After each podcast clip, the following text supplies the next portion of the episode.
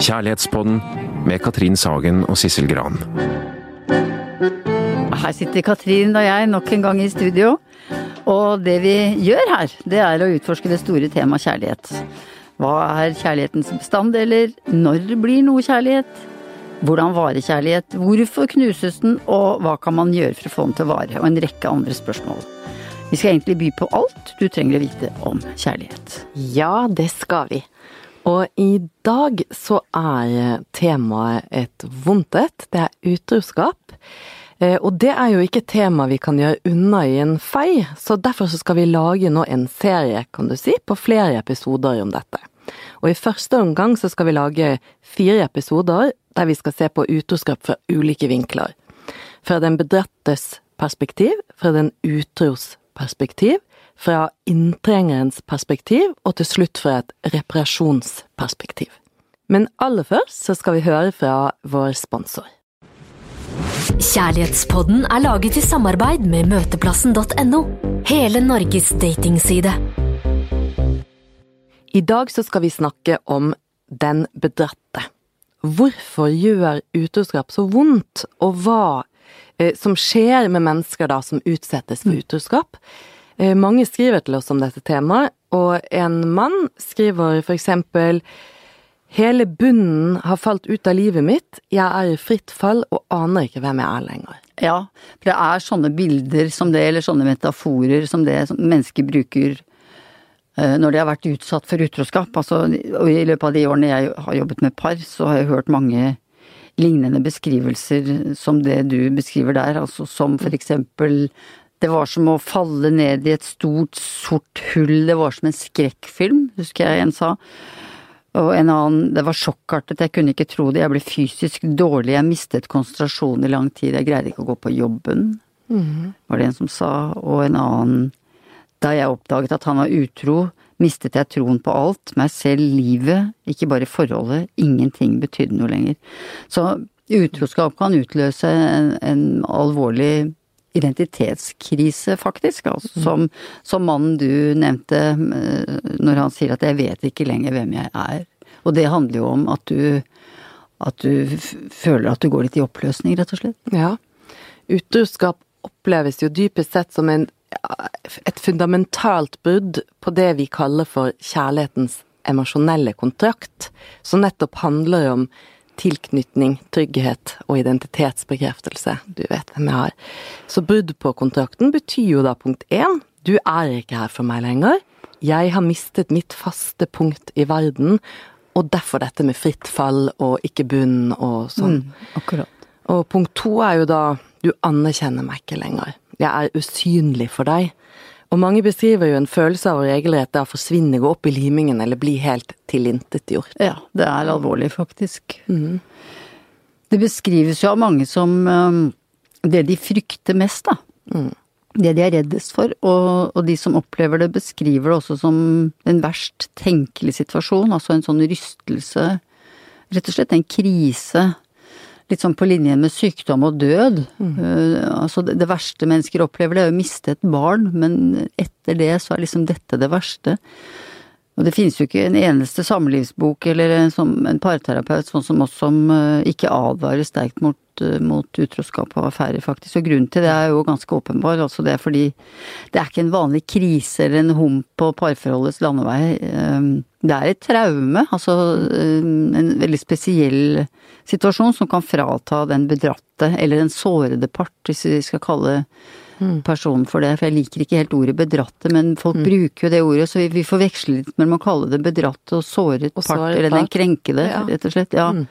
For det kan frata den personen troen på livet, altså, og plutselig mm. så er ingenting eh, lenger sånn som det var dagen før, og verden sånn som du kjenner den er blitt borte. Det er det som karakteriserer det traumatiske, som gjør det forskjellig fra en vanlig krise, rett og slett. Mm. Det du trodde var trygt, er ikke det lenger. Du kan ikke stole på din aller nærmeste. Og det kan skape en veldig intens følelse av frykt og en følelse av uh, å, å, bli gal, rett og slett. Mm. Mm.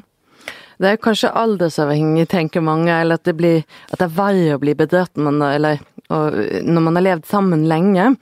Og det er jo sant, men samtidig så er man sterkt knyttet til den andre, så er ikke alder eller lengden på forholdet egentlig av betydning. Eh, for har det først funnet sted denne grunnleggende tilknytningen i forholdet, eh, og ikke bare da er en het forelskelse, eller man ikke helt er definert, eh, men at den andre er blitt ditt trygge sted, så kjennes det selvødeleggende å bli utsatt for utroskap, uansett alder. Ja, det er akkurat det, altså. Mm. Vi øh, skal bruke et øh, litterært eksempel igjen, fra mm. en bok av Siri Hustvedt som heter 'Sommeren uten menn', og det er en øh, bok som handler om en kvinne som plutselig opplever at øh, mannen hennes, den trofaste, staute Boris, dette er et ektepar som har vært sammen lenge, plutselig um, blir annerledes. Det er Ola G. Furuseth som leser. Noen tid etter at han hadde sagt pause, ble jeg gal og havnet på sykehus. Han sa ikke jeg vil aldri se deg mer, eller det er slutt, men etter 30 års ekteskap var pause nok til å forvandle meg til en sinnssyk, med tanker som eksploderte, rikosjerte og skjente inn i hverandre som popkorn i en mikrobølgepose. Denne sørgelige innsikten kom til meg mens jeg lå i sengen min på South Unit, så sløvet av Aldol at all bevegelse bød meg imot. De taktfaste, nerverende stemmene var blitt svakere, men de var ikke blitt borte. Når jeg lukket øynene, så jeg tegneseriefigurer rase rundt på lyserøde fjell og forsvinne inn i blå skoger. Til slutt diagnostiserte doktor P meg med kort psykotisk lidelse, også kjent som kort reaktiv psykose, noe som betyr at du er ordentlig gal, men det er ikke langvarig. Hvis det varer mer enn en måned, skal det ha en annen betegnelse. Det er tydeligvis ofte en trigger, eller i psykiatrisk sjargong en stressord, for denne spesielle formen for forstyrrelse. I mitt tilfelle var det Boris, eller snarere det faktum at det ikke var noen Boris der, at Boris hadde pausen sin. Pausen var fransk, med glatt, men blankt, brunt hår. Hun hadde anselige bryster som var ekte, ikke kunstig fremstilt, smale, rektangulære brilleglass og et ypperlig hode. Hun var selvfølgelig ung, 20 år yngre enn meg, og jeg har mistanke om at Boris hadde siklet etter denne kollegaen sin i noen tid, før han gjorde et utfall mot hennes sentrale partier. Pausen var fransk, ja. Altså, her, her blir hun virkelig gal, altså. Innlagt. Ja. ja. Og sånn kan det gå når den trygge basen pulveriseres. Og det er jo nettopp det som er det forferdelige, at den man vanligvis har søkt til for trygghet og støtte, er den samme personen som utsetter en for sorg og smerte og fare. Nettopp. Som å føle seg jo akutt alene i verden, forrådt, og da uten beskyttelse. Og sånn oppleves det for mange når tilknytningen til partneren trues alvorlig. Og mer moderne enn det er vi jo ikke.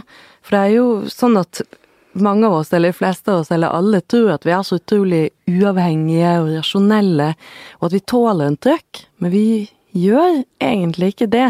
Ikke når det er den nærmeste som gir oss den trøkken.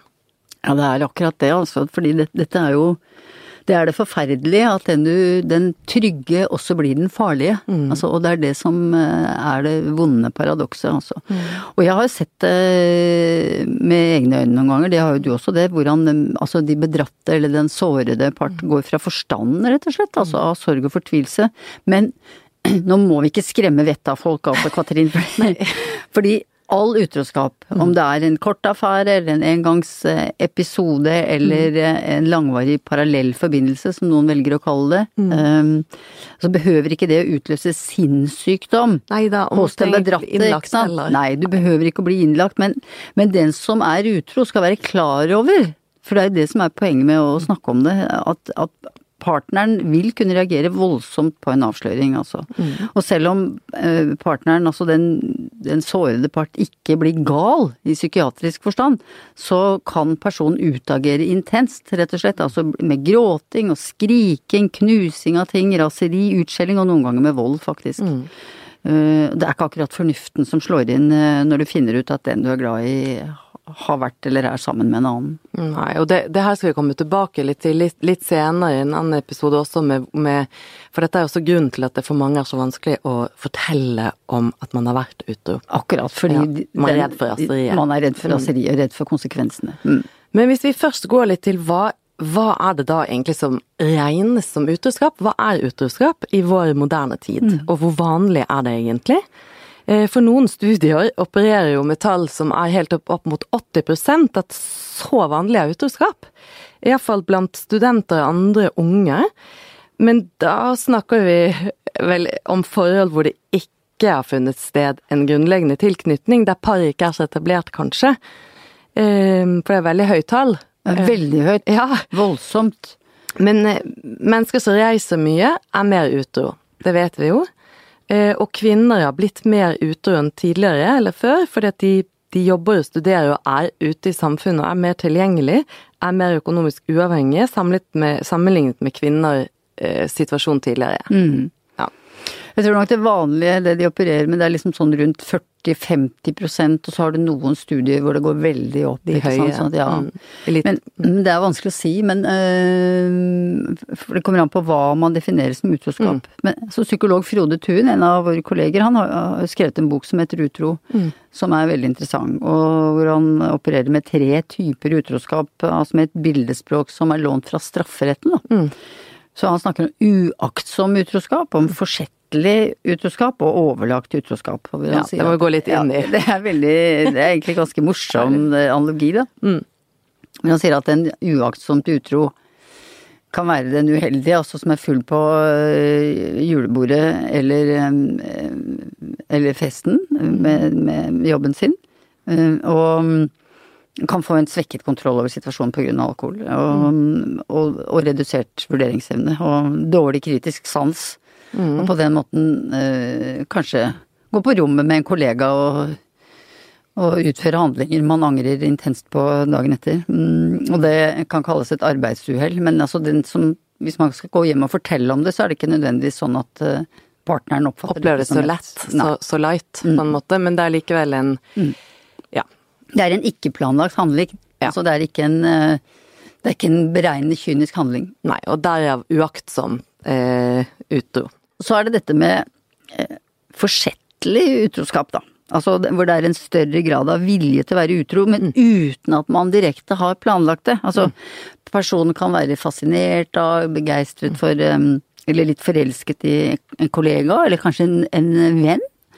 Og blir litt revet med av eh, følelsene når anledningen byr seg. Og det, en enkeltepisode kan utvikle seg til å bli mange, mm. altså og noen ganger til et lengre sideforhold. Det er jo mange som har oppdaget at det kan skje. Altså fordi plutselig så blir noe som ikke var amorøst, veldig amorøst, og så vet man ikke hvordan man skal komme seg ut av det. Altså det lå ikke en hensikt eller en plan bak den handlingen i utgangspunktet, men dette er heller ikke noe det er gøy å komme hjem og fortelle om. Selv om dette, er, dette ikke er eh, planlagt. Så har vi da den overlagt utro, da. Um, som planlegger affæren sin, enten den er kort eller lang. Eller, mm. eller om det er en parallell forbindelse ved siden av det forholdet du er i.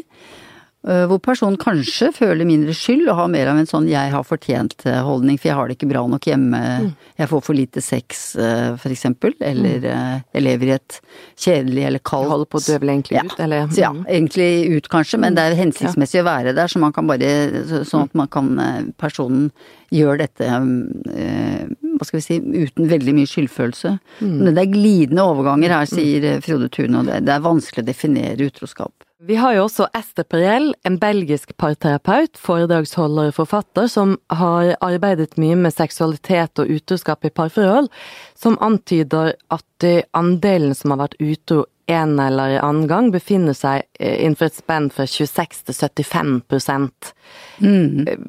Det er jo da hvis vi inkluderer alles definisjoner av hva utroskap er, for det er jo nettopp det hva er utroskap. Ja. Og noen mener at det er utroskap dersom man har eh, kysset noen, eller bare holdt eh, i hånden, mm. eller hatt eh, følsomme, fortrolige samtaler med en annen enn partneren. Mm, men de aller fleste, uavhengig av kjønn eller alder, er imidlertid enige om at sex med en annen enn partneren er utroskap, uansett om det er planlagt eller ikke planlagt. Riktig. Ja. Hun holder jo noen morsomme TED-foredrag, Ester Perel, så hvis man har lyst til å se på, Ja. eh, altså høre på henne snakke sammenhengende om utroskap uten å lese svære bøker, så kan man bare gå inn på YouTube og så og google Ester Perel. Ja. Flink foredragsholder og veldig tydelig og klar. Mm. ja. Gøy tips. Ja. Hun, hun er vel ikke inne på det, men vi har jo vi vet jo det, eh, for for vi har snakket med unge par, og vi vet jo at noen unge par som er, blitt, som er ganske nye par, kan jo fortelle at de, eh, de har opplevd at den andre har vært utro nesten før de har blitt et par, altså før de har liksom eh, underskrevet felleskontrakten i, i overført betydning.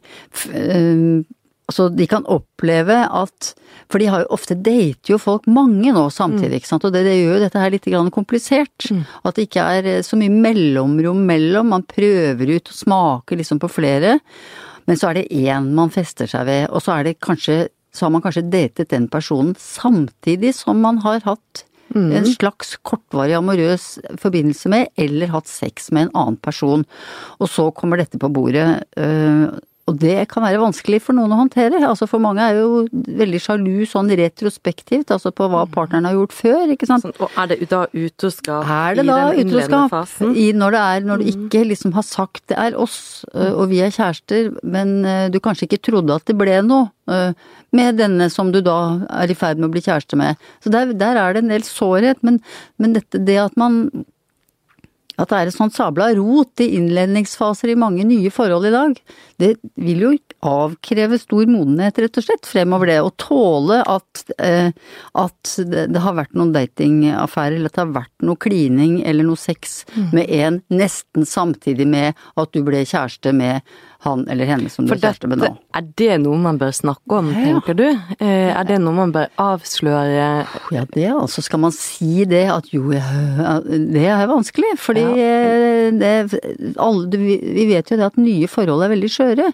Altså, da kan Men hvis dette er to ganske modne, oppegående og ganske robuste folk, så, så kan de nok tåle det godt. Men du vet ikke når du er sammen med nesten en helt ny kjæreste, er dette en robust person som kan tåle dette eller ikke. Man må sjekke ut det der litt. Og i og med at det har endret seg litt, dette her med inngangen til kjærligheten, nettopp med tilgang til, eller med Tinder og det at man eh, dater mange på en gang, folk man ikke kjenner og ikke fra et felles nettverk, så vil jo det bli mer og mer kanskje av denne type litt vanskelige inngangen, eller hva jeg skal Ja. si. Men betyr det da at folk vil tåle utroskap og parallelle affærer bedre enn før? At man på en måte blir herdet ned? Ja, dette vet vi jo ikke, vet du, så her må det jo forskes. Men eh, jeg er jo jeg er nærmere ikke sikker på det, om, eh, om, vi, om hjertet blir så mye mer herdet eh, selv om vi lever i en moderne tid, for jeg tror ikke vi tåler så veldig mye mer enn det vi gjorde før. Nei, for hva så med kjærlighetskontrakten? Den er jo fortsatt levende. Og i dette vanvittige app- og dateuniverset så har vi jo det samme hjertet som det sier. Vi er gamle, eh, har gamle hjerter i en moderne kropp. Gamle sjeler, eller? Kan vi si? Behovet for trygghet, base, nærhet og beskyttelse er jo der. Ja, det tror jeg er riktig, altså. Uten at vi kanskje da sitter her nå og knirker og er veldig gamle i hodet, altså. Men det kan jo hende. Vi er jo ikke akkurat helt eh, sånn knoppunge, du og jeg. Ålreit.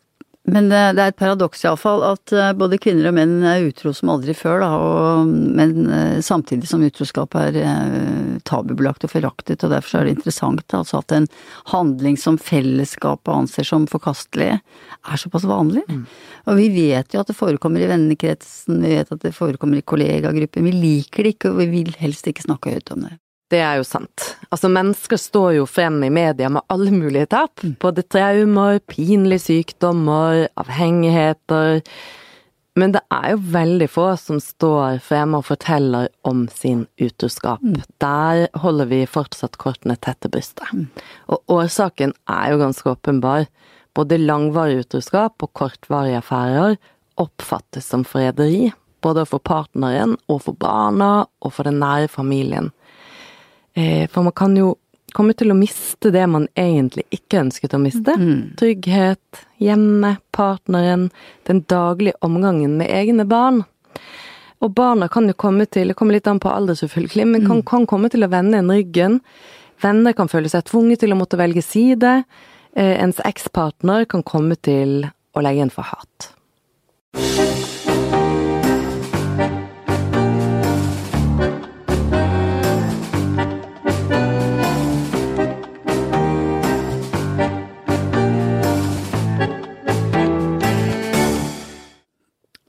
Ja, og dette hatet mm. eh, som Altså, det bunner jo egentlig i dyp fortvilelse, ikke sant. Eh, og sorg. Altså, det, det, kan jo forfølge en, rett og slett, fordi eh, den berattes reaksjon, eller den sårede part, eller ekspartneren, som det etter hvert blir, da, for noen kan være utrolig skremmende. Mm. Men det er jo viktig nå når vi snakker om dette, å si at vi, vi også øh, Vi skal snakke om den utro ja. senere. Vi skal snakke om hva er det som beveger denne personen å, til å gjøre, begå disse handlingene. Og eh, for oss som terapeuter så ligger det ikke en fordømmelse i det, men det er rett og slett en advarsel. Fordi man kan noen ganger utløse ting i, i sin partner som man da er utro eh, mot, mm. som man ikke har tenkt på før. Ja. Vi har en eh, Vi har et nok et lite litterært eksempel fra Geir Gulliksens bok eh, 'Historie om et ekteskap', som handler om et Den handler om eh, en mann som heter Jon, som eh, treffer en annen kvinne. Han er i et ekteskap, et, og han har et lite barn. Og så, mens han er gift og bor sammen med henne, så treffer han en annen. Um, og dette er en beskrivelse av hennes reaksjon når hun forstår at han har en annen, um, og hva det gjør med henne. Mm. Den som blir forlatt, blir hjelpeløst bundet til den som forlater. Hun hadde ikke valgt det selv. Hun skriker høyt, hun skjeller meg ut, hun gråter stille og sårt. Hun får ikke sove, hun klarer ikke sitte stille, hun puster tungt. Hun tenker at hun vil dø. Eller, hun vil leve videre, men bare sammen med meg. Hun ringer til den nye kjæresten min og roper inn i røret. Hun ringer til alle hun kjenner, hun snakker med alle, natt og dag. Hun prøver å snakke seg frem til å forstå hva som har skjedd, hvordan alt kunne snu seg så brått og uten varsel. Hun får ikke hjelp fra meg. En dag ringte hun som var blitt så hensynsløst sviktet, og sa Jeg vil bare si deg noe. Det er vel ikke så mye mer å si nå. Å jo, det er mer å si enn du aner. Men du vil ikke høre på meg, og jeg gir opp. Derfor skal jeg bare si en aller siste ting, og det er at jeg håper at du kommer til å oppleve det selv en dag. Jeg håper av hele mitt hjerte at du blir gått fra på nøyaktig samme måte som du har gått fra meg. Det var det siste hun hadde å si. Ikke det siste hun sa, selvfølgelig, men det siste som ble stående igjen mellom henne og meg. I mange år senere kunne jeg gjenkalle den setningen og stemmen den ble uttalt med, så full av opphisset, skjelvende, støtvis luft, aggressiv og krenkende og fortvilte støt av luft. Jeg kjente hiksen i pusten hennes gjennom det hun sa. Hun brukte den luften hun hadde igjen der og da til å skyve presist avveide lyder mot meg som hun ville ramme meg med. Det var en slags trussel, trodde jeg. Et løfte hun ikke var i stand til å innfri selv, men som hun håpet en annen skulle ta seg av. Jeg kom til å oppleve det. Jeg kom til å bli gått fra, jeg også. Jeg kom til å miste den eneste jeg stolte på, akkurat som hun hadde gjort. Jeg kom til å stå der og til å være en som ikke var ønsket mer. Det ønsket hun seg på mine vegne, og det var ikke vanskelig å forstå hvorfor. Selv ikke for meg. Ja, denne kvinnen blir jo forlatt etter mannens utroskapsforhold, og hun, hun er uforberedt og får helt panikk, som mange får. Eh, mannen hadde levd et skjult liv som hun ikke visste om, eh, og det er jo dette skjulte som er så ille. For den som er ute, lyver jo ofte mye, eh, og mange som er ute, deler verdenen sin i to, på en måte. I den ene verden så lever den ute helt vanlig med sin partner, da kanskje barn, og i den andre verden så lever personen et hemmelig liv med sin utroskapspartner. Og den utro tror jo ofte det at livet ikke affiseres av denne todelingen, at dette her skal jo gå helt fint.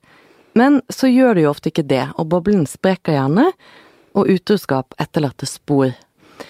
og når partneren får vite om utroskapen, så er jo ofte løgn det verste. Dette med at eh, Altså, en kvinne sa i, i terapi en gang at det Selve handlingene dine er kjempeekle, og det, jeg, jeg blir kvalm av det, men det kan jeg på en måte leve med. Men løgnen, løgnene dine, skjønner jeg ikke hvordan jeg skal leve med. Ja. Jeg sitter og tenker på en, mm. et par for mange år siden hvor hun, konen, hadde vært utro. Mm. Og hvor mannen var utrolig fortvilet av det, også fordi at han lenge hadde forstått at hun løy. Mm. Men han hadde ikke tort å konfrontere henne med det. Men han hadde jo gjort det mange gjør. Han hadde nesten vært litt sånn detektiv. Og, og, og funnet spor både her og der. Eh, og hadde faktisk avlyttet mobiltelefonen hennes mm. over lengre tid. Eh, men ikke tort å si noe. Mm. Fordi han var så redd for at hvis han konfronterte henne med det, så ville hun gå fram. Så dette kom opp i en samtale eh, hvor han sprakk. Altså hvor han eh, skrek. Mm. Han sto, han måtte stå og skrike fordi smerten var så stor, han var så fortvilt, for dette hadde han visst om i et halvt år. Mm. Uten å konfrontere henne men bare på en måte oppmagasinert alle løgnene, da, og alle hennes utflukter med hvor hun var og hva hun gjorde når hun hadde vært og møtt en annen. Mm. Hun tålte det, for jeg holdt henne i hånda og sa jeg tror faktisk han må få lov til å rope disse tingene, for dette gjør så vondt, så, så Og det var riktig, altså. Han ropte det.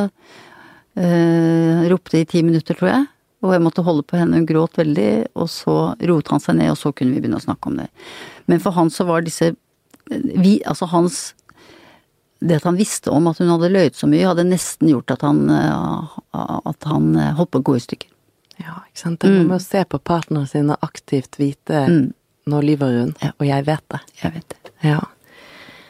ja det, er jo, det, er jo, også en del som på en måte eh, konfronterer, men hvor partneren likevel benekter eh, det som, som, man da har eh, sett og forstått, men at partneren sier det er ingenting, dette er bare noe du finner på, du er bare sjalu.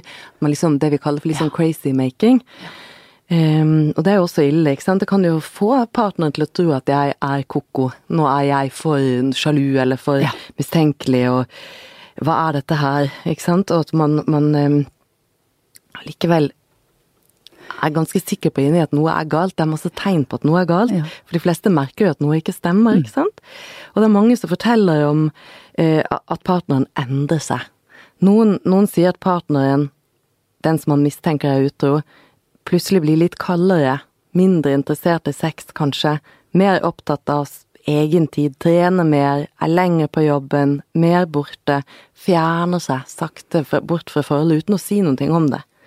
Mens andre igjen, på andre siden av skalaen, opplever at partneren plutselig blir gladere, pynter seg mer, endrer musikksmak, kjøper seg plutselig et lite smykke eller ny parfyme eller noe sånt, og blir, noen blir faktisk mer seksuelt interessert hjemme.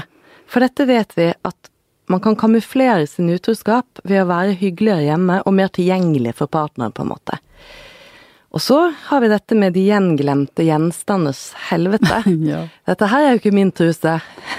Eller jeg fant denne lappen i lomma di da jeg skulle vaske jeansene dine. Og den andre blir rar, annerledes, og det begynner nå en, en tvil, uro, stress, blir redd, man får lyst til å spørre om alt mulig, men så er det skamfullt òg. Eh, jf. den mannen du snakket om. Pinlig, pinlig å mistenke den andre ja. for utroskap. I tillegg til at det er vondt, selvfølgelig. Og det er vondt å, å stå der og lukte på denne avgrunnsfølelsen. Holde ja. dette på nå og bare rakne, ikke sant. Ja. ja avgrunnsfølelse syns jeg er et godt ord, for det, det er sant, altså. For det par er jo ofte ganske så nær hverandre, ikke sant, og de kjenner, altså den ene kan da kjenne at det er noe som skurrer, det er noe som ikke stemmer, det er noe som er eh, annerledes enn det det har vært før, eller noe rart, altså et tegn, og det der har vi en eh, liten sekvens fra en bok av Martina Haag som nettopp heter dette, det er noe som ikke stemmer. Det står en messinglysestake på pinnestolen ved siden av sengen vår. Først reagerer jeg ikke. Jeg løfter den for å ta den med tilbake til den vanlige plassen nede på spisebordet. Og først da jeg kjenner tyngden av den i hånden, begynner hjernen å sette i gang tannhjulene. Hvorfor står det en lysestake rett ved siden av sengen vår? Så pussig. Jeg er blant dem som mener at flammer og dundyner aldri skal være i samme rom. Det må være Anders som har tatt med seg lysestaken opp hit fra kjøkkenet. En eller annen gang når han har vært her ute alene. En av alle de helgene som det har vært jakt. Jeg blir stående og stirre tomt ut gjennom soveromsvinduet og ut på de leirete åkrene. Hvorfor har han satt en lysestake ved siden av sengen? Tok han med seg en lysestake opp på soverommet da han skulle legge seg, fordi han ville ligge og lese litt før han sovnet? Nei, et stearinlys er ikke nok, det gir ikke tilstrekkelig med lys til å skjelne bokstavene fra hverandre. Tok han med seg en lysestake opp til sengen fordi han ville legge seg og sovne til det blafrende skinnet fra stearinlysflammen? Nei. Riktignok er ikke Anders like redd for brann som det jeg er, men et sted går grensen. Jeg får ikke dette til å stemme. Hvorfor har han tatt med seg en lysestake opp til sengen om kvelden mens han var her helt alene? Jeg går ned på kjøkkenet, skrur mekanisk ned varmen på platen på komfyren og rører rundt så det ikke skal svi seg fast i bunnen på gryten. Anders og guttene er nede ved brygga, de kommer snart til å være tilbake igjen. Jeg er aldeles tørr i munnen, jeg drikker to glass vann etter hverandre. Å tenne stearinlys er vel noe man bare gjør når man er sammen med andre. Jeg tenner ikke engang et eneste lite telys når jeg skal spise middag om jeg er alene. Og Anders, det å tenne stearinlys og dulle rundt, er fullstendig fjernt for ham. I de 15 årene vi har vært sammen, har jeg aldri sett ham brette servietter eller gjøre noe annet hjemmekoselig overhodet. Han er flink til å lage mat og sånn, men jeg har veldig vondt for å forestille meg at han skulle drive på å tenne lys i sin ensomhet og ta med seg til sengs for å gjøre det litt koselig før han sovner, helt alene. Det er noe som ikke stemmer. Hjernen går som en tørketrommel på superhastighet.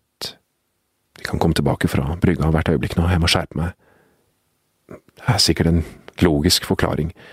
Det er idiotisk å holde på sånn som dette og hisse seg opp uten grunn. Jeg bestemmer meg for å gå en rask tur med Akke. Jeg forsøker å trekke pusten dypt noen ganger én ting om gangen. Dette er jo fantastisk beskrevet. Jeg kjenner bare den uroen inni hele kroppen min når jeg hører på. Mm. For hun har jo en hunch her, mm. kjenner at noe er feil. Mm. For mannen har jo gjort noe han aldri pleier å gjøre her. Han er ikke noen romantiker, hun har rett. Han har hatt med seg elskerinnen sin i sengen på samme stedet. Men noen som blir bedratt, merker jo ingenting, får ikke huncher, finner ikke tegn. Og det er vel derfor det er litt sånn risky med sånn oppbremsing av sånne tegn. For vi skal jo ikke lage liksom paranoia over, over, over, landet her. Så hvis partneren din tar med seg mobilen på do og sitter litt lenger enn vanlig, så betyr jo ikke det at han nødvendigvis er utro. Kan være at han bare vil lese ferdig en artikkel eller en avis. Se litt på Facebook.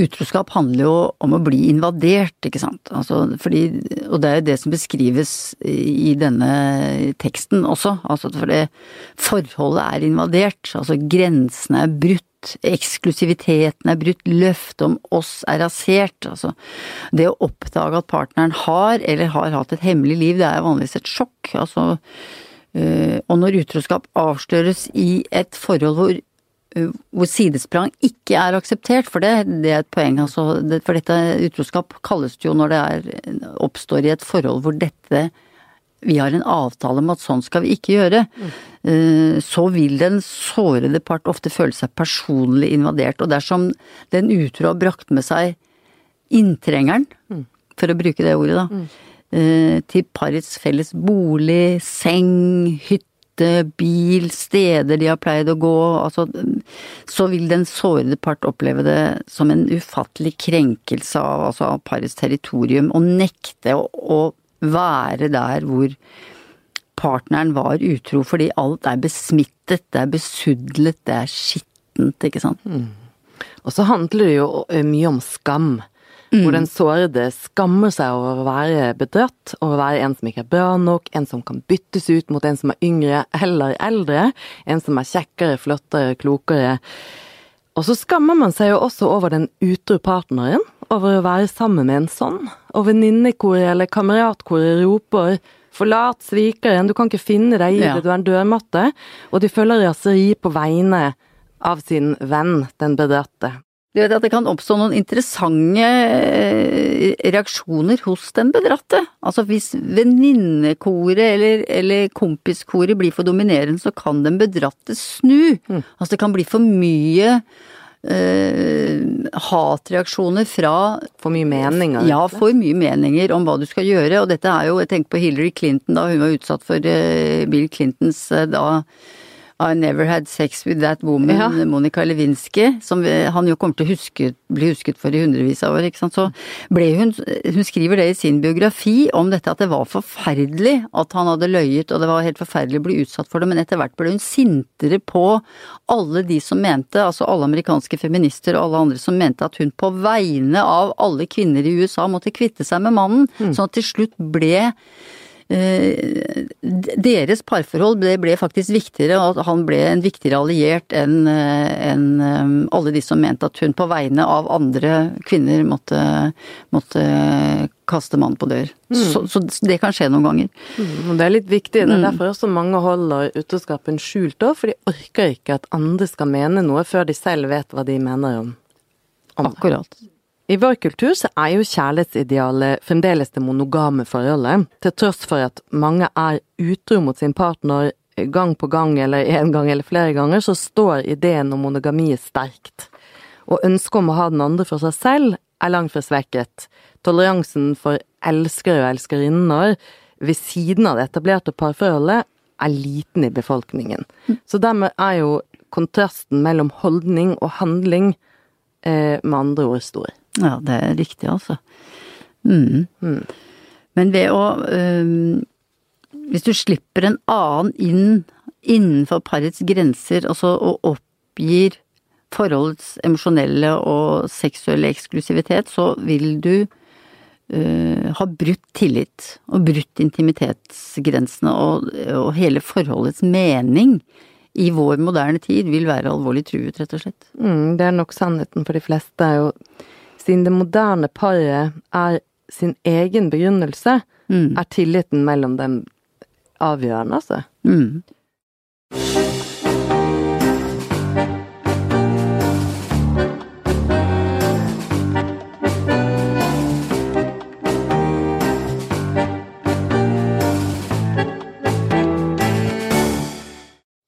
Det er en bok som heter Monogami, av en psykiater eh, som heter Adam Phillips. Og det er en litt rar bok, og han har noen interessante tanker rundt dette med monogami, for han sier at um, det ideen om en utenforstående part er nødvendig for parforholdet. Han skriver å være et par forutsetter vedvarende motstand mot en inntrengende tredjeperson. Altså paret må opprettholde forestillingen om en slik tredje instans for å kunne motstå den. Mm. Han sier det sånn veldig eh, elegant, syns jeg. De, de, trofaste blant oss holder øye med fienden. Um, fastholder fienden. Uh, altså er man to, sier han, så har man selskap. Man, er man det trengs tre for å bli et par. Altså du må være klar over hva, at noe kan true parforholdet ditt. Og ikke være naiv, altså. Ikke være naiv. Ja. Fordi han sier at monogamiet trenger denne trusselen eller bevisstheten om den andres eksistens der ute for å overleve, altså. Mm. Og mange sånne, manges nestenutroskap og fantasier om den andre og det man kan gjøre på utsiden der. Altså den, det styrker for mange menneskers vedkommende, altså manges vedkommende beslutningen om å holde fast til partneren. Fordi du tenker skal jeg gjøre det, skal jeg være utro med uh, Per eller Kari? Nei, jeg kan ikke gjøre det. sånn. det at du tenker på en tredjepart og hvordan det vil affisere forholdet, gjør at du ikke er utro. Og gjør at du er et par, rett og slett? Ja, du ja. tenker at det er vi, og jeg må på en måte fastholde oss så, så det er en må tenke skal jeg ha sex med han som jeg syns er så han, Vi har jo det, vi har blunket men det er hyggelig, han er jo flott og hun sånn. Men du lar det være. Vi Har blunket. Ja, vi har blunket. Ja, vi har blunket. ja. Så dette er litt rar tenkning kanskje, for vi tenk, men, men han sier ikke vær naiv. Ikke vær naiv. Parforholdet er truet i vår kultur.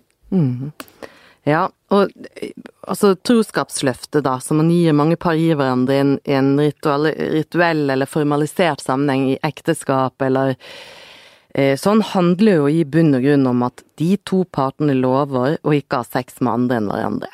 De blir enige om å lukke døren for de mulige rivalene som alle vet finnes der ute, og vi da skal vite at finnes der ute. Og man skal ikke søke løsninger utenfor parforholdet for den indre uroen som de fleste av oss vil føle innimellom. Ja, for innimellom syns du ikke at partneren er noe kul. Nei, det er helt vanlig. Mm. Men ikke søk løsninger utenfor parforholdet, og ved å love hverandre dette, så pålegger partene hverandre en viss grad av eh, valgt tvang Mm. og vilje for å holde igjen for fristelsen. Er det, blir det riktig? Ja, det blir det.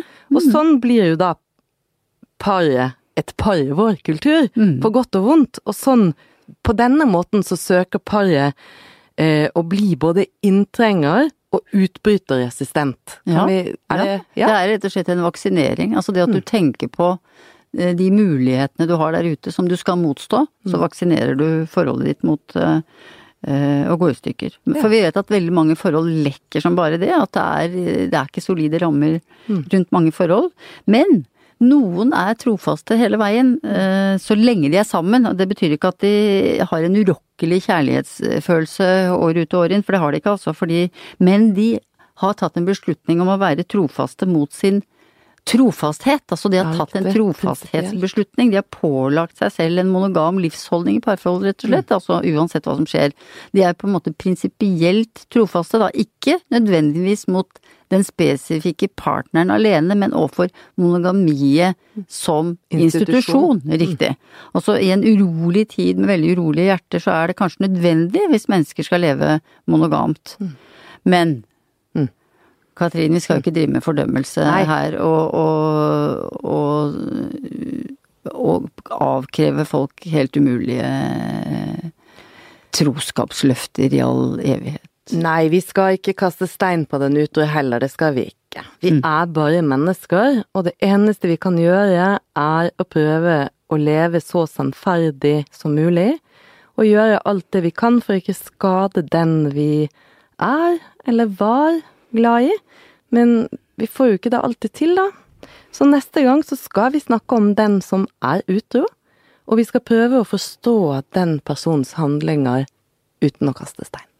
Takk for at du hører på oss, og hvis du liker Kjærlighetspodden, så kan du eh, kanskje skrive en kommentar på eh, iTunes eller på Instagram eller på Facebook, og del gjerne episoden på sosiale medier hvis du ønsker det. Da blir vi glad. Kjærlighetspodden er laget i samarbeid med møteplassen.no. Trygg og seriøs dating på nett.